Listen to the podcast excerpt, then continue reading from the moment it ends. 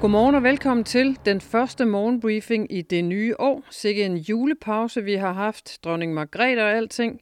Men det skal vi ikke tale om nu. Derimod er der en del uro i Mellemøsten, som også påvirker virksomheder og priser på programmet. Og det samme gælder amerikanske renter, og der er også lidt SAS. Alt sammen her i en snefrisk version af børsens morgenbriefing, som jo er, hvis du skulle have glemt det, dit daglige overblik over de nyheder, der fylder i danske og internationale erhvervsmedier i dette døgn. Velkommen fra, tilbage fra en lille pause. Jeg er her endnu, og jeg hedder stadig Sofie Rud. På forsiden af børsen i dag finder du en advarsel fra en dansk topøkonom i New York. Historien handler om de store fald i markedsrenterne fra slutningen af 2023, som kan booste amerikansk økonomi, øge inflationspresset og tvinge Federal Reserve til at justere kursen. Det mener Thorsten Slyk, som er cheføkonom hos kapitalforvalteren Apollo og bliver betragtet som en af de mest toneangivende økonomer på Wall Street. Slyks udtalelse kommer efter, at den amerikanske centralbankchef Jerome Powell i 2023 varslede, at rentenedsættelser i USA nu er inden for rækkevidde, efter en længere periode med rentestigninger. Det viste onsdag aftens referat fra det seneste rentemøde i banken også, og Pauls melding har sat dagsordenen på de finansielle markeder. Aktierne er skudt i vejret, mens markedsrenterne er styrtdykket, det vil sige renterne på for eksempel statsobligationer og realkreditobligationer. Investorerne mener til synligheden, at inflationen er så godt som overvundet, men Thorsten Slyk advarer altså mod den udlægning.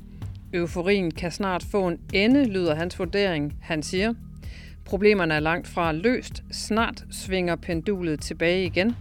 Og du kan læse hele interviewet med Slyk i børsen i dag. Fragtraterne er stødt stigende efter flere missilangreb i det Røde Hav. Dermed befinder den globale verdenshandel sig endnu en gang i et fragtkaos, der kan komme til at ramme især mindre virksomheder særlig hårdt. Sådan lyder vurderingen fra Peter Sand, der er chefanalytiker hos Seneta, skriver Finans i dag. De seneste ugers missilangreb mod handelsskibe i det Røde Hav har nemlig sendt verdens rædderier syd om Afrika og også sendt fragtpriserne i vejret. Ifølge analytikeren kan fragtkaoset især ramme mindre virksomheder, da de i højere grad end de store er afhængige af det såkaldte spotmarked. Onsdag aften kom USA og 11 lande, inklusive Danmark, med et opsigtsvækkende budskab til hutierne i en fælles udtalelse. Her kræver den vestlige alliance, at hutierne, som står bag angrebene på skibene, der sejler gennem det Røde Hav, indstiller sine angreb, det skriver Berlingske. Ifølge avisens internationale analytiker Christian Mauritsen skal det ses som et klokkeklart ultimatum. Han siger, det er et signal om, at nu stopper festen, ellers kommer der militære konsekvenser, siger Moritsen. Han kalder udtalelsen både markant og opsigtsvækkende og tilføjer, det er også en indirekte advarsel til Iran. Den vestlige alliance skriver i udtalelsen, som blev sendt ud fra det Hvide Hus i Washington onsdag, citat, Lad vores besked være klar. Vi kræver, at disse ulovlige angreb øjeblikkeligt stoppes, og at ulovligt tilbageholdte skibe og mandskaber frigives. Børsen bringer i dag et interview med SAS-formand Carsten Dilling, som udover at understrege, at hans timeløn for det job er så lav, så den minder om samfundstjeneste, også understreger, at redningsaktionen for SAS bestemt ikke er over endnu. Der er ifølge Dilling adskillige store og svære juridiske bomme, der skal forceres, før man kan erklære arbejdet fuldført. Men Dilling er ifølge børsen tydeligt tilfreds med det, der lige nu tegner sig for Skandinaviens stolte flyselskab, der blev skabt i 1945, men som under og efter coronakrisen har været så tæt på finansielt haveri, som det overhovedet fås. Læs hele interviewet med Dilling hos børsen og bliv klogere på, hvad fremtiden kan bringe for SAS. Og tilbage til Mellemøsten, hvor de eskalerende spændinger onsdag fik oliepriserne til at stige. Uroen i flere lande i området giver anledning til bekymring for, at konflikten mellem Israel og Hamas kan sprede sig i hele regionen og forstyrre forsyningen, skriver Financial Times. Brentolie, det internationale benchmark for olieprisen, steg 3,1 procent til godt 78 dollars per tønde, imens lovede Iran onsdag aften at gøre gengæld for to bombesprængninger, der onsdag dræbte mindst 95 mennesker ved en ceremoni til minde om en militærkommandant, der blev myrdet af USA i 2020. Amerikanske arbejdsgivere sluttede 2023 af med langt færre ledige stillinger end i begyndelsen af året, ifølge skønt fra den private sektor i USA.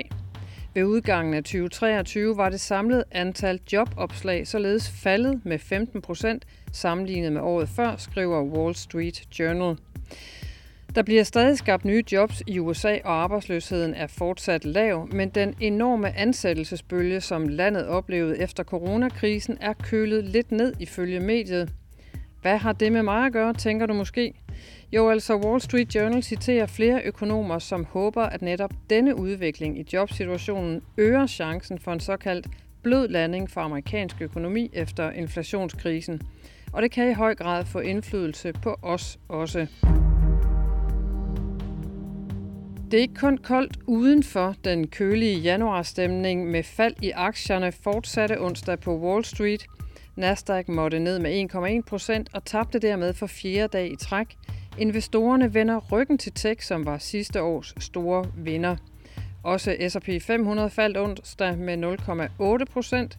Herhjemme var det den samme historie. Efter 12 dage med uafbrudte stigninger i C25 fik januarstemningen også godt og grundigt fat i det danske eliteindeks, som lukkede nede med 0,8 procent. Kun Mærsk holdt indekset en smule oppe, men især de cykliske aktier som Vestas, GN Store Nord og Ørsted fik alvorlige bank. Du kan få flere historier om markederne hos Børsen Investor, hvis du skulle have glemt det. Året begynder med udsigt til et klart kurspotentiale. Sådan lyder det fra Dan Weisse, der er partner og porteføljeforvalter i investeringsforeningen MW Compounders i årets første udgave af Børsens Investor Podcast, som er i luften nu. MW Compounders har i den grad slået markedet med 57,7% i afkast efter omkostninger siden lanceringen i ultimo 2020. Og når Dan Weisse, som er ny panelist i Investor-podcasten, kigger ned i sin portefølje på 20-30 aktier, er der flere af dem, der ifølge ham er attraktivt prissatte. Lyt med her. Vi er som sagt rimelig optimistiske på vores egne portefølje, og man skal huske, at sidste år var jo ekstremt polariseret. Det var jo de der Magnificent Seven, der bare bullerede afsted, plus de trak også en masse andre tech-selskaber med. Øh, og det er klart, at nogle af dem, de har de er begyndt at se lidt dyre ud. Vi har solgt lidt ud i vores øh, alfabet. Det er den eneste, vi har haft øh, af dem. Øh, vi har den stadigvæk i porteføljen, men med en mindre vægt. Og, og der, der arbejder vi meget på den måde, at vi så kigger ind i, hvad er det så, der, der er den største upside, og så prøver vi at flytte lidt øh, kapital over i det. Og det er også derfor, man kan sige, at det var jo stærkt run, der var i fjerde kvartal, men hvis jeg tror, hvis man stod der i, i midten af oktober, så var det jo Magnificent Seven, der havde drevet alt afkastet, og der var en masse aktier, som var flade og også nede, og det kunne vi også se i vores portefølje.